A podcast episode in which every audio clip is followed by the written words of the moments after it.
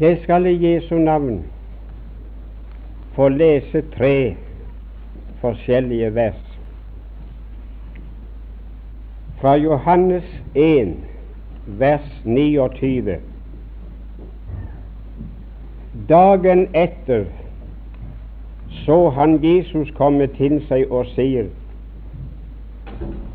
Se der Guds lam som bærer verdens synd. Se der Guds lam som bærer verdens synd. I Åpenbaringen 3, vers 20 Se, jeg står for døren og banker. Om noen hører min røst og åpner døren, da vil jeg gå inn til ham og holde natvær med ham, og han med meg. Og i Matteus 25, og der det sjette vers. Men midt på natten lød der et rop. Se, brudgommen kommer. Gå ham i møte. Amen.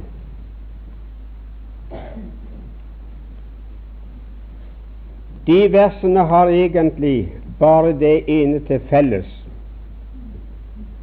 at de påkaller oppmerksomheten ved det ene ordet se. Det er noe oppsiktsvekkende,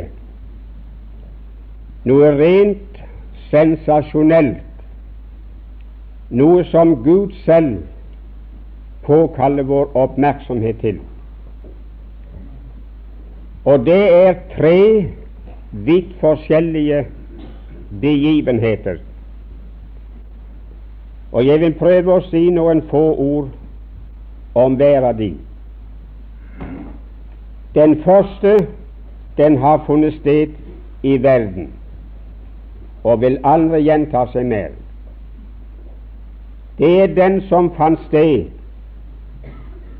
den gangen Guds sønn var naglet til et kors på Golgata for våre synders skyld. Det som gjemmer seg bak ordene Se, der Guds lam som bærer verdens synd.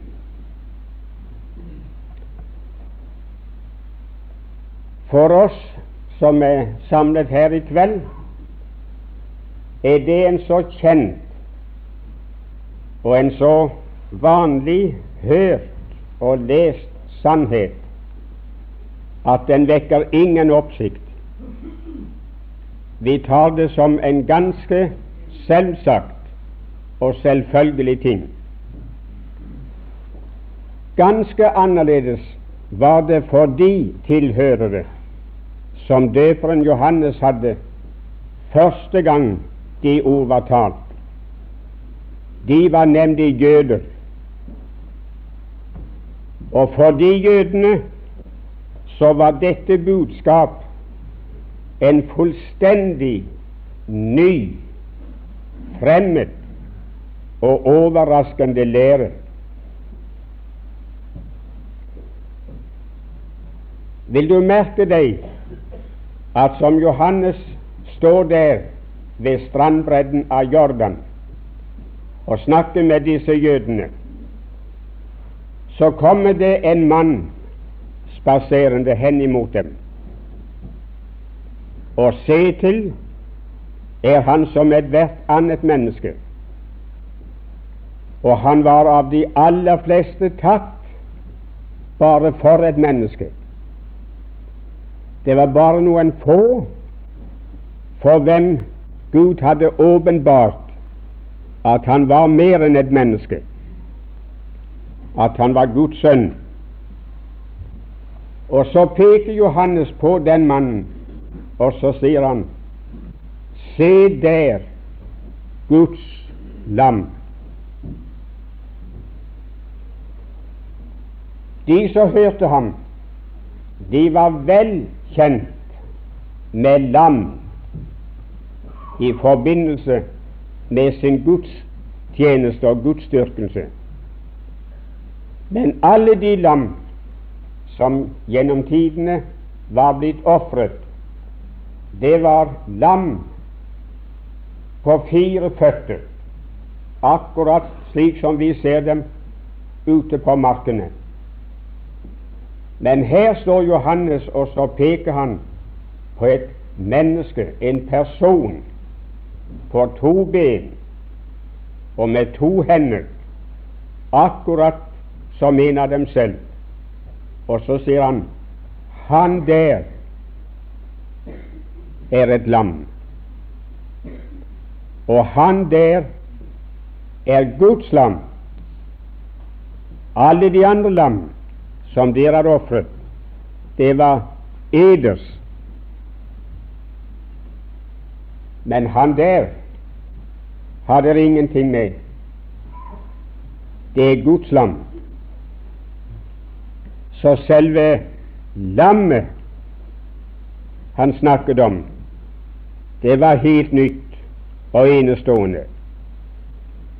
Og så føyer han til det lammet der, den personen der, er Guds lam som bærer verdens synd.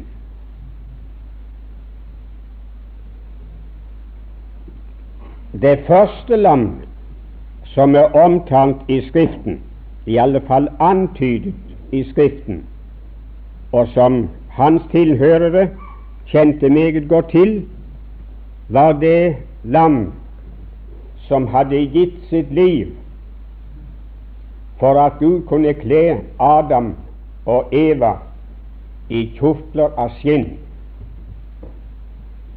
Men det lammet gjaldt bare én person, ingen andre.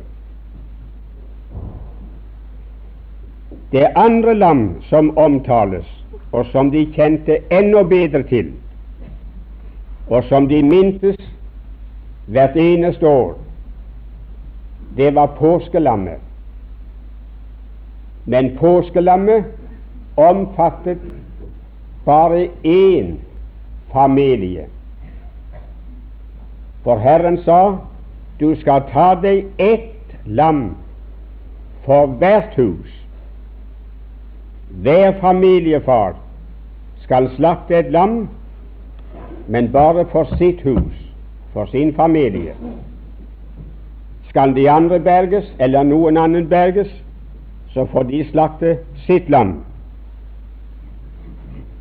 Så hadde de det tredje, som var enda bedre kjent, og det var offeret fra tredje Mosebok 16, det om hvilket vi leser at presten skal legge begge sine hender på dyrets hode, og så skal han bekjenne over det alle Israels misgjerninger og alle deres overtredelser i alle deres synder, og legge dem på offerets hode. Offeret skal bære dem. Det var ikke et offer bare for én mann, heller ikke bare for én familie, men det omfattet en hel nasjon, hele Israel. Og et offer, et lam, som omfattet noe mer og hadde større rekkevidde, det hadde de aldri tenkt seg. Det var ikke oppkommet i noen sinn og tanke. Men nå, ved Jordan, får de høre det. Se der Guds lam som bærer verdens synd. Det offeret der skal ikke bare berge én mann, og skal ikke redde bare én familie, men det skal skaffe redning for den ganske verden, ikke bare én nasjon. Og nettopp fordi det gjaldt verdens synd, gjaldt det også min synd. Og din synd, som sitter her. Og når det heter verdens synd, så er ingen synd og ingen skyld unntatt. Det er all din synd, så vel med hensyn til din tilstand som med hensyn til dine gjerninger. Verdens synd. Djevelen, godt folk, skal aldri kunne peke på en eneste synd i noe menneskes liv som det ikke blir gjort opp for de timene på Golgata da Kristus ga sitt liv i døden. Det gjaldt verdens synd. Han har mange ganger hatt travelt med i mitt liv, særlig før. Ja, nær sagt, Jeg har et visst inntrykk av at han holder på å gå seg trett, og innser at det kan ikke nytte noe. Jeg har lest såpass og sett såpass meget at det Gud har fortalt meg om Hans Sønns offer, at djevelens forestillinger de taper sin kraft. Men han har hatt nøye med å få grave frem, trekke frem styggedom, urenhet, elendighet, synder og feil i mitt liv, og hvisket meg i øret det gjelder alt, men ikke den. Det gjelder alt, men ikke den. Men den dagen, går folk, av Herren lot alles våres misgjerninger fram med ham, og han bar verdens synd, så var ingen synd unntatt. De timene da min frelser hang slik naglet til et kors utenfor Jerusalems murer, så strakk han den ene hånden forbi og bak den første synd som var begått i verden, og den andre bakom og forbi den siste synd som vil bli begått. Og så gjorde han opp for alt, gjort og ugjort. Det jeg har fått visst om i mitt liv av synd, og det som ennå må være skjult, og som senere må bringes for dagen. Gud gjorde ikke opp, mine venner, for synden ut ifra ditt og mitt synspunkt. Han kom ikke og spurte deg og meg eller noe annet menneske i verden hvor meget synd har du? Hvor mange overtredelser, hvor mange misgjerninger har du? Hvordan er din syndige tilstand? Og når han hadde fått oppgave over det, så brakte han et offer som dekket det hele. Nei, godt folk, da hadde mesteparten av min synd og skam vært glemt og forbigått. Nei, han spurte seg selv om hva synd er.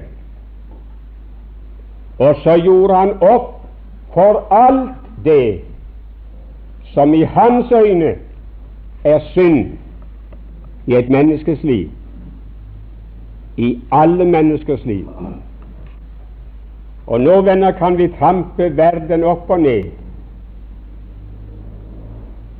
Og vi skal aldri kunne støte på et eneste menneske som vi ikke har lov å forkynne det evangeliet for. Guds sønn har båret dine synder. Jeg har gjort opp for det. Jeg vil også understreke uttrykket Se Guds lam som bærer verdens synd. Eller som det heter i andre oversettelser Se, det er Guds lam som tar av veien verdens synd. Slik heter det også i den nynorske Bibelen. Sjå, det Guds lam som tek og veien synd i å være i.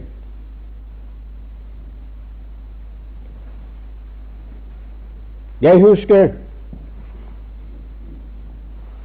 i mine første år som kristen Jeg skal ikke snakke om hvordan jeg så på det før.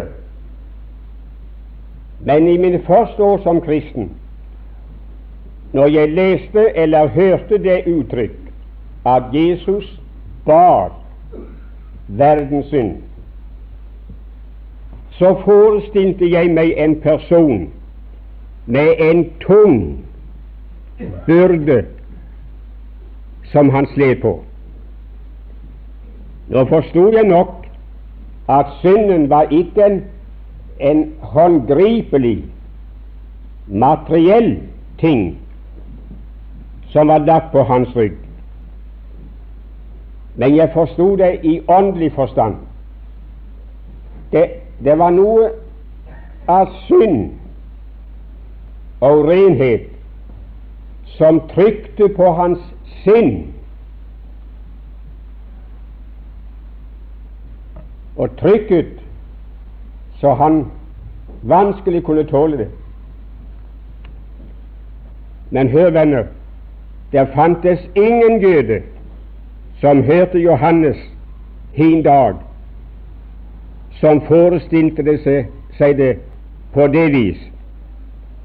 For de var vel kjent med det begrep at et offer, et lam, bar synd.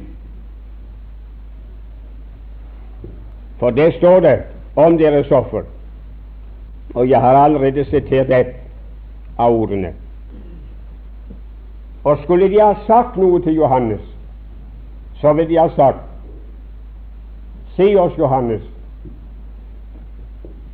vil du fortelle oss at den mannen der en gang skal måtte dø under Guds dom på grunn av våre synder. Vil du fortelle oss at den mannen der aldri skal komme til å dø en naturlig død, men han skal dø fordi Gud eksekverer sin dom og straff over synd som han ikke har gjort, men som er verdens synd.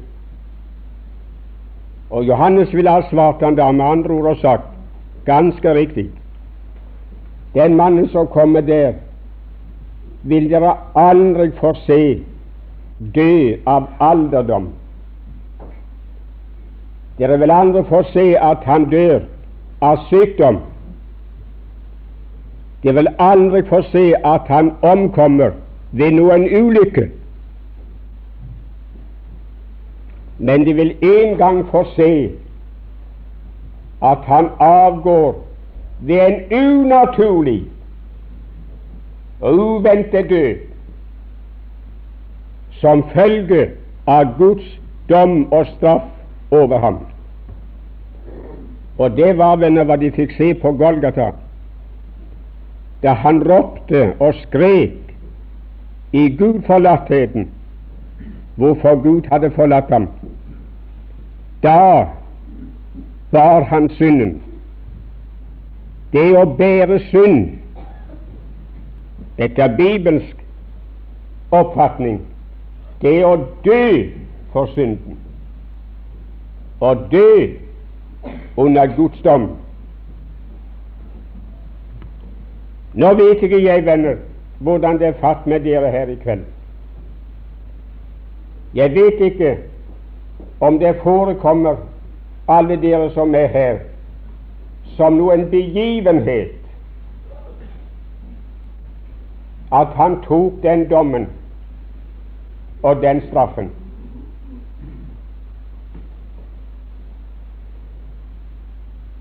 Og allikevel er det den største begivenhet som har funnet sted i historien. Den har vakt helvetes oppmerksomhet, og den har vakt himmelens oppmerksomhet. Den har vært sensasjonell og rystet himmelen og rystet jorden og rystet avgrunnene.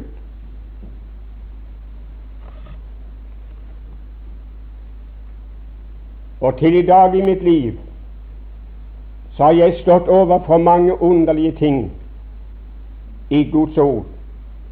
Men jeg har aldri sett og aldri stått overfor noen større begivenhet enn at Guds sønn, den rene, hellige, uskyldige,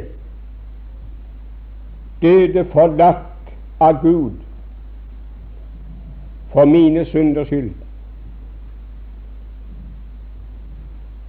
Dere som kjenner meg, vet at jeg har forkynt og forkynner mange andre sannheter fra Skriften.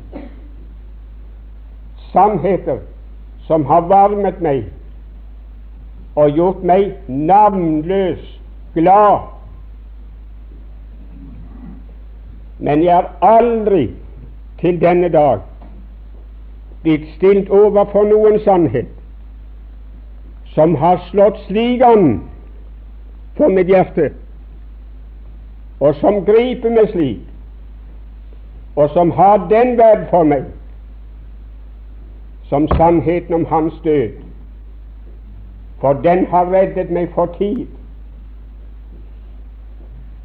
Den skal redde meg i døden og redde meg for evigheten. Og vent et øyeblikk, folk enten dere er frelst eller dere er ufrelst. Det kommer ganske snart en dag da den sannheten, da den kjensgjerningen, at han bar verdens synd, skal bringe alle himler til å gjenlyde sang. Når hver annen sannhet er glemt, og vi ikke har bruk mer for noen annen sannhet. Ingen bibeltime og ingen preken mer. Så står den sannheten igjen. Og det eneste som de ærer ham for og lovsynger ham for, er Å, Herre, du er verdig. Du er verdig til å få takken og prisen og makten og velsignelsen og riket i all evighet fordi du ble slaktet og kjøpte oss til Gud med ditt blod. Da jeg var ung som kristen, så sang de så meget en sang hvori det sto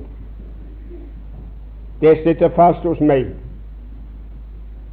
Og når jeg der, altså hjemme i herligheten, har sunget i tusen år, er sangen like ny om lammets sår. Og jeg må tilstå, jeg vil bekjenne det, jeg finner trøst i når jeg sitter ned på et møte og hører en preken.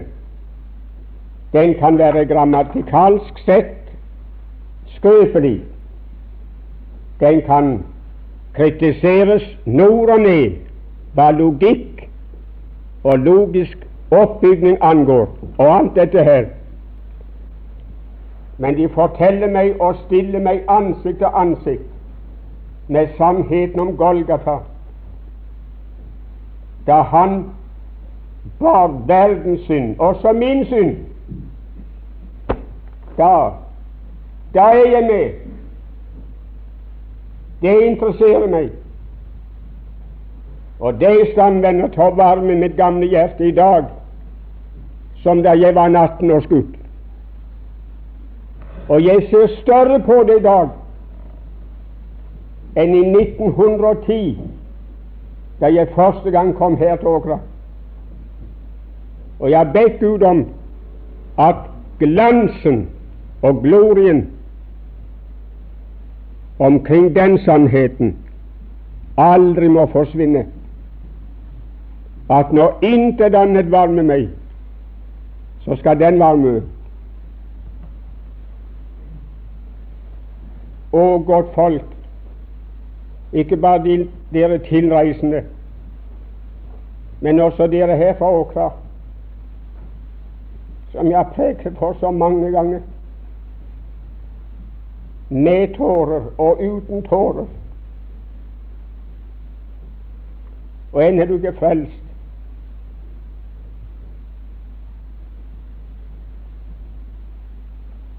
Og hvilken lyst jeg ennå har å få opp det inn i din sjel at Kristus døde for deg, gav sitt liv i døden for all din synd og skam,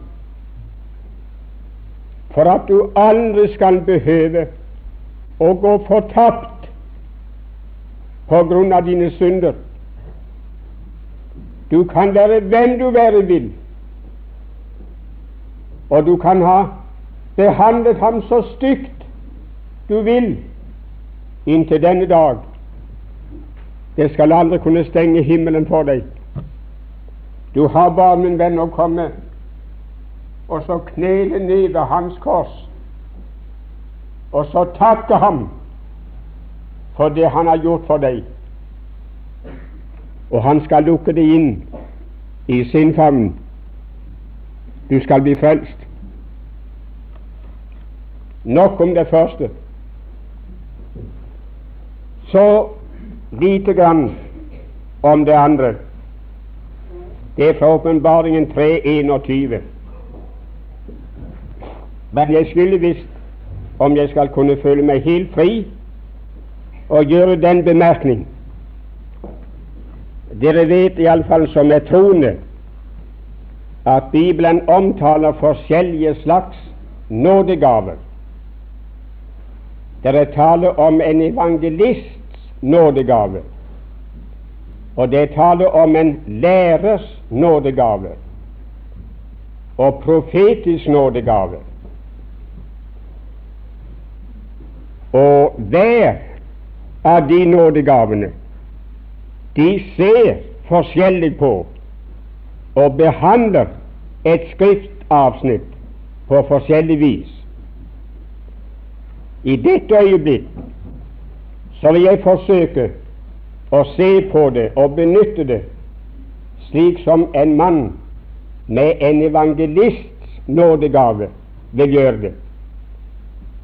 En som ikke først og fremst tenker på hva det ordet i sin sammenheng egentlig handler om, men benytter noe av det som står i det, for å nå et menneskes samvittighet, en synder, for å føre ham til frelse. Der sto Se, jeg står for døren og banker. Om noen hører min røst, så vil jeg gå inn til ham og holde natvær med ham og han med meg.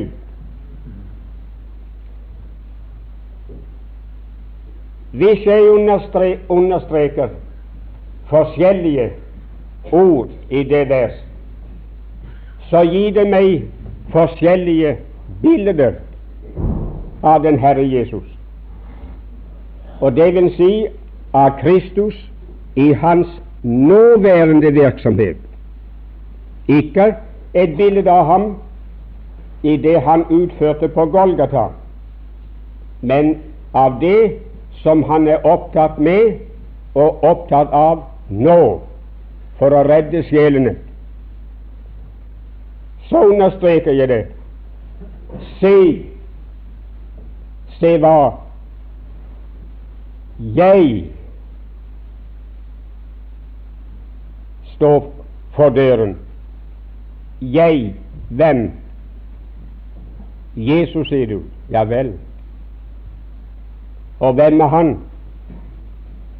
Han har presentert seg selv i den samme boken og gjort det med de ordene Se, jeg var død, men jeg er blitt levende igjen for all evighet. Og jeg har nøklene til døden og til dødsriket. Jeg som har elsket meg til døde på et kors, hvor står han? Jeg står for døren. Det er bildet, min venn, av en forkastet frelser. En frelser som de ikke akter verdig til å være innenfor. En frelser som de ikke ser mer i enn de kan De kan la han stå utenfor. De har rom for alt annet og for alle andre, og lukker opp for alt annet, bare ikke for ham. Og Gud påkaller oppmerksomheten til det at et menneske kan la Guds sønn, som ga sitt liv i døden på et kors for å berge dem, stå utenfor. Står han der utenfor når det gjelder deg?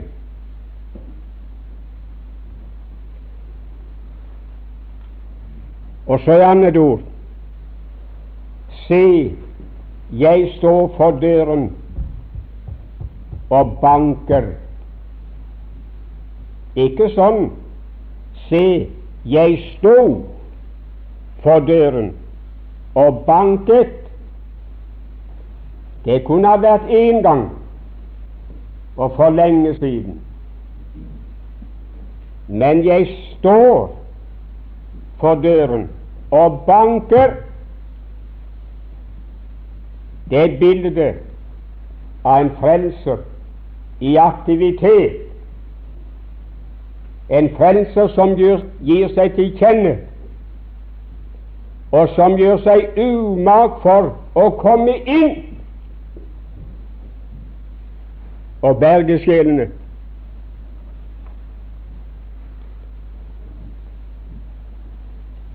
Og la meg så få legge en strek under ordet 'står'. Det ønsker jeg. Se, jeg står for døren og banker. Hvor lenge har han stått? Hva tid merket du ham første gangen i ditt liv? Når hørte du første gang at han banket på, at han kalte deg? Når fikk du for første gang inntrykk av at Gud ville frelse din sjel? Det er mange år siden. Jeg glemmer aldri den første gang i mitt liv da han ga seg til kjenne. Jeg var da bare en gutt på niende året. Jeg gikk alene på en vei, kom bærende med et melkespann, et spann med kjernemelk, som jeg hadde hentet på nabogården. Det var straks etter at bestemor var død, og som jeg gikk der på veien, så kom det noe så merkelig over meg, som bare han og jeg vet om hva var. Og jeg ble så klar over, godt folk, at jeg var en synder som i den tilstand jeg var, ikke kunne komme til himmelen. At jeg aldri vært mer klar over det enn jeg var den gangen. Det var ingen uendelighet av grove synder og laster i mitt liv. Nei, nei, jeg var for ung til det. Det var bare én barnesynd som kom for meg. Jeg hadde vært stygg med bestemor et par dager før hun døde. Og det kom så veldig over meg at jeg hadde intet valg. Jeg måtte på kne. Jeg gjemte meg bak en sten og bøyde mine klær. Jeg hadde aldri enda sett et menneske be til Gud. Jeg visste ikke hvordan de gjorde det, hvilken stilling de inntok. Hadde aldri hørt et menneske be til Gud. Har ikke begrep om det. Men jeg følte det som den eneste naturlige ting i verden, den uunngåelige. Bøy knærne dine. Og der knelte jeg. Og så ba jeg ham om tilgivelse. Jeg kunne ingen bibelsted så det kunne ikke komme for meg noe bibelsted med mindre Gud hadde råpt ned fra himmelen. Men jeg hadde ikke tatt mange skrittene derfra. Så var det som en byrde var ventet fra mitt sinn. Og jeg var så lett som en fjær da jeg løp hjemover veien. Men når jeg kom hjem, så klarte jeg ikke å si det. Jeg ville gjerne, men jeg vågte ikke på. Og når jeg kom sammen med kameratene mine, tør jeg ikke si et ord. Men jeg bar til Gud i stillhet i noen uker. Men så kom jeg til å le av noe som jeg ikke skulle ha ledd av. Jeg hadde et lett, livlig humør. Jeg hadde mer kvikksølv i blodet enn sirup, så det var futt og liv i meg. Sans for alt som var komisk. Og så lo jeg av det jeg ikke skulle ledd av, og så var djevelen der. Der har du det. Jeg ser det var kristendom du holder på med. Og så skulle jeg ingen hykler være. Og så ga jeg opp. Løp han sin vei. Gikk han ifra meg? Jeg hadde fortjent at han hadde gått sin vei, og aldri mer sett den veien hvor jeg var. Men nå, godt folk, han skal ha den ære fra min munn i kveld. Han blir stående. Han blir stående.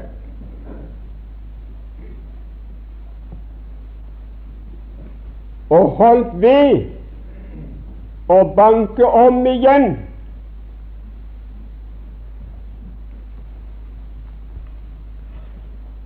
Og jeg undres hvorfor Jesus kom til min dør.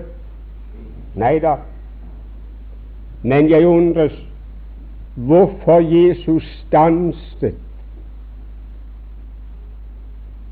Hvorfor han stanset der.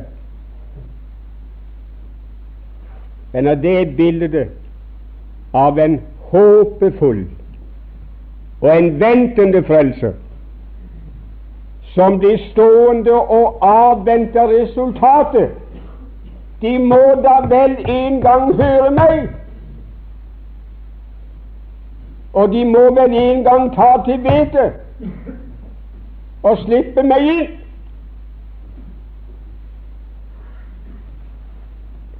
Og der sto han utenfor, virksom, inntil jeg var nesten 18 år. Hvor lenge har han stått i ditt liv? Ufrelste folk her fra Åkra. Her er noen av dere som er eldre folk.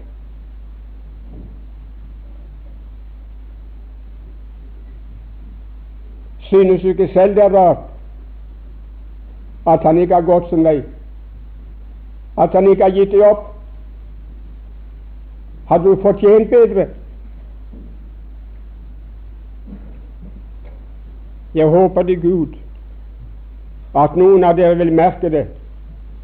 Han slår på din dør i kveld.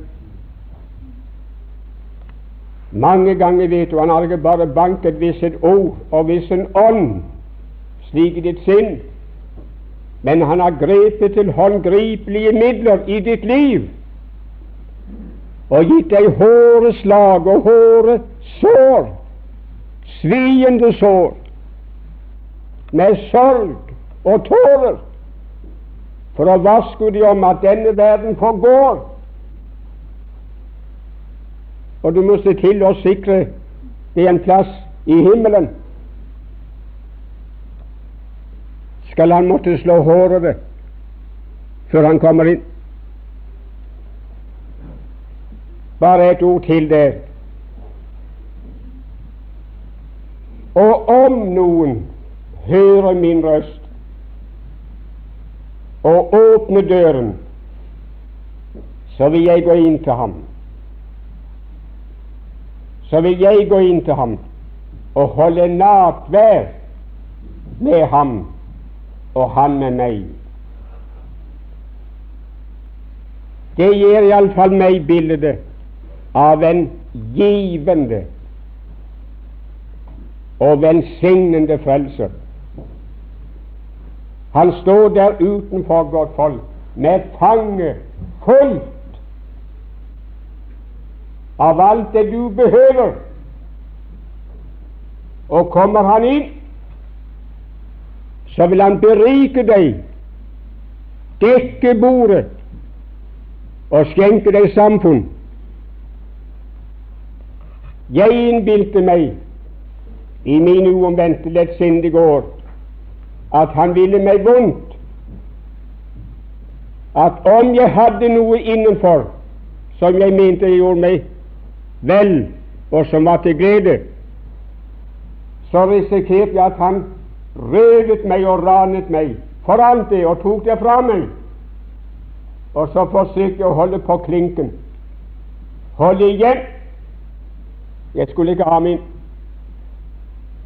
Men godt folk, jeg har aldri vært så overrasket i mitt liv, så gledelig overrasket i mitt liv, som jeg ble den dagen, den søndag formiddagen i 1905, da han slapp inn. Og Gud, hvor rik han gjorde meg. Jeg fikk alt og tapte intet. Jeg fikk hva jeg takket for ham, takker ham for i livet, hva jeg skal takke ham for i døden, og siden i evigheten.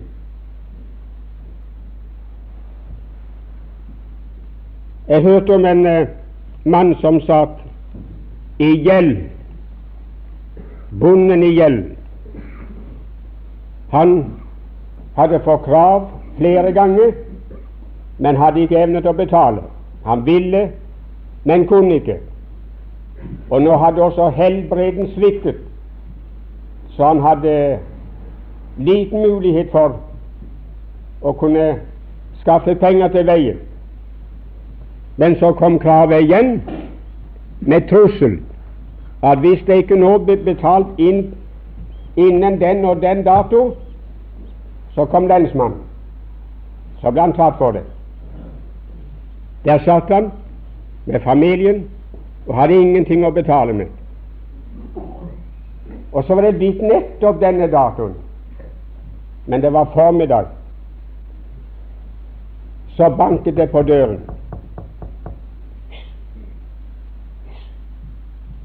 Sa han til kona og barna. Ikke svar. Så banket det igjen sterkere. Gå vekk. Og så sprang han selv bort til døren, og så holdt han under dørtrykkeren.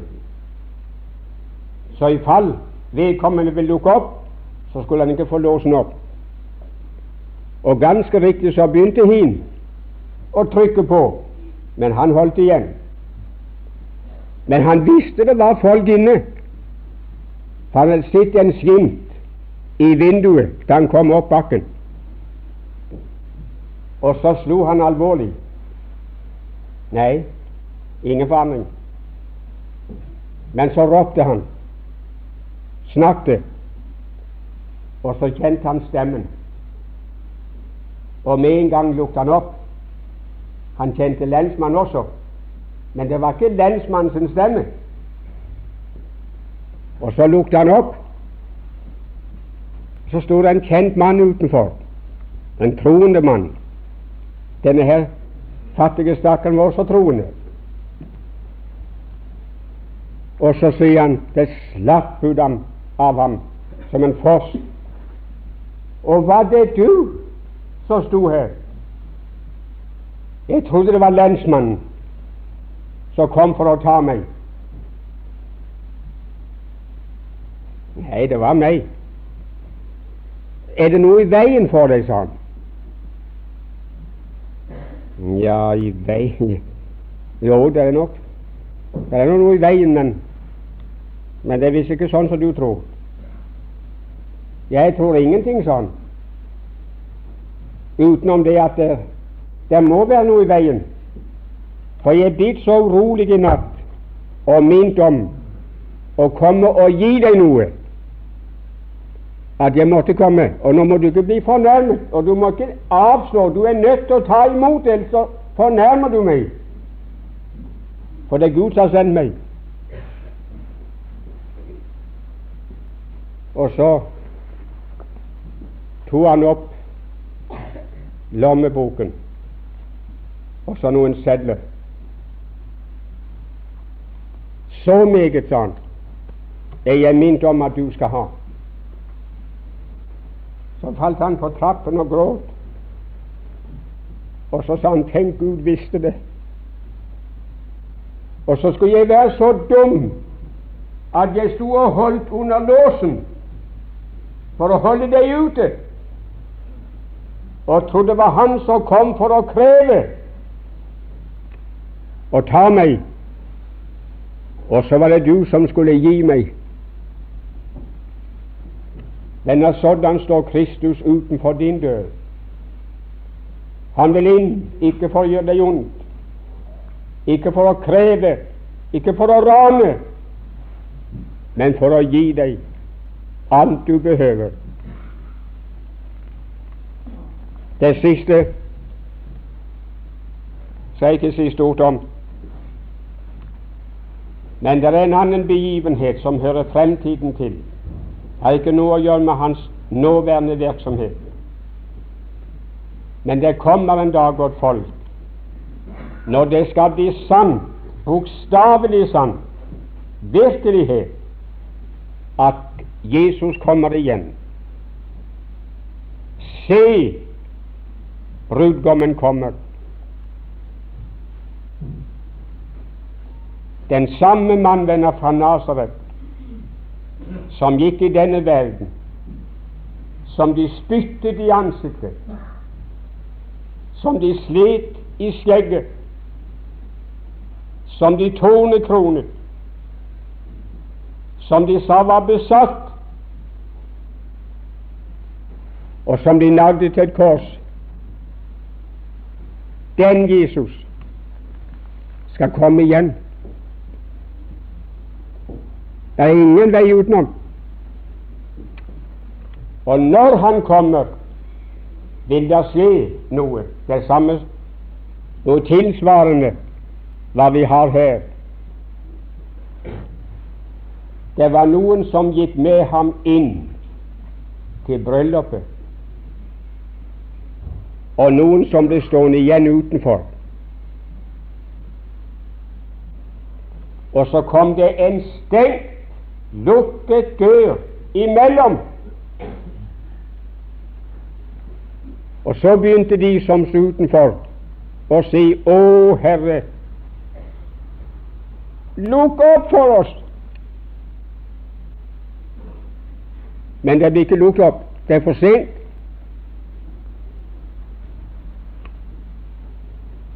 Stakkars denne verden, når det blir sånn. Når det vil bli som hin påskenatt Nei, ja, ja, hin påskenatt i 2. Mosebok 12, når det står Og det ble et stort skrik i hele Egyptens land.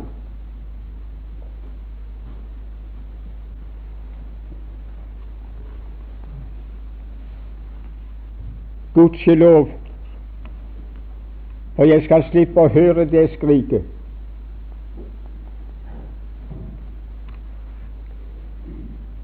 Og det vil skje, venner, akkurat som det er fortalt om Enok, som vandret med Gud, og Herren tok ham til seg. Og så står det Det har tatt meg om hjertet mange ganger. Og Enok ble ikke funnet, for Herren hadde tatt ham til seg. Og hvis det står, min venn, at han ikke blir funnet, så må det ha vært noen som har lett etter ham. Han sto opp om morgenen, gikk ut, gikk til sin daglige gjerning.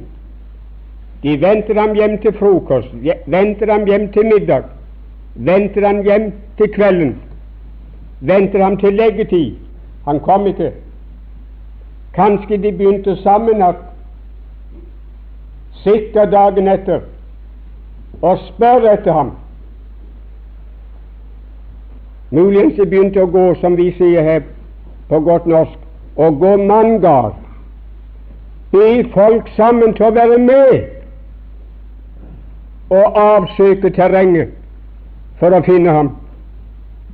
Men han ble ikke funnet, for Herren hadde tatt ham. Godt folk, her vil en gang bli en flokk slike søkende og spørrende mennesker igjen på jorden når han er kommet til luften og har hentet sine hjem. Gud gi at dere her på Åkra som ikke er frelst, skal bli i den flokken. Det ville være forferdelig.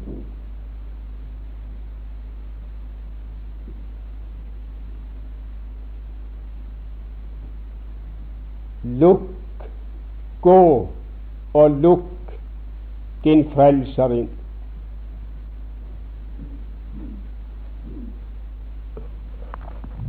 Jeg må få sagt det. Jeg kjenner til et hjem. Det var et verslig hjem. Ingen i hjemmet var troende.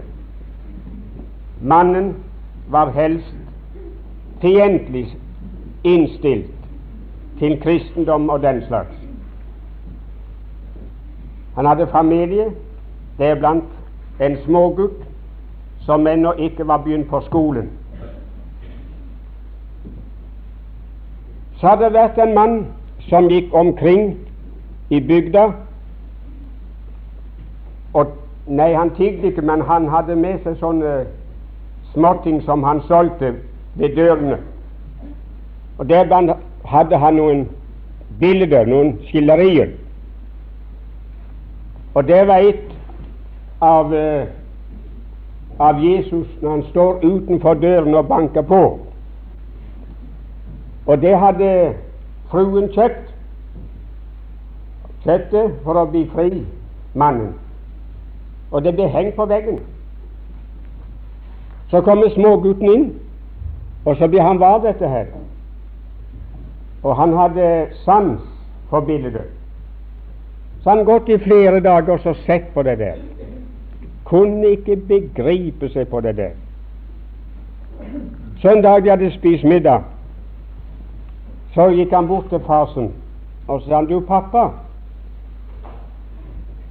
hvem er han som står utenfor der?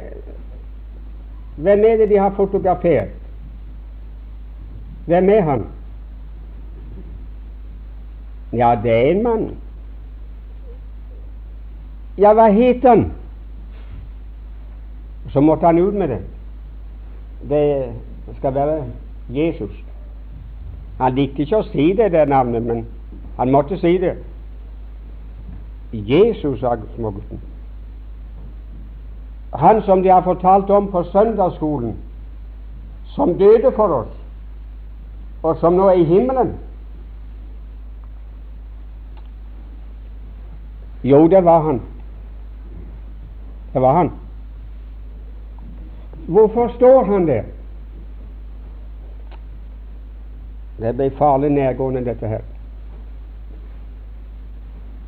Ja, det er ikke godt å vite det sånn. Ja, men han står her hver dag, sånn. Hva står han etter? Ja, så måtte han ut med det også. Ja, han vil visst inn. Ja, men kan han ikke gå inn da, sånn?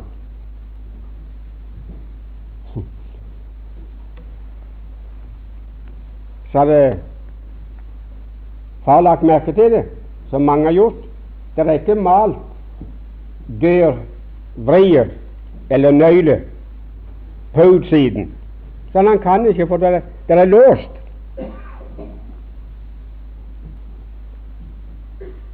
Har de låst han ute? Ja.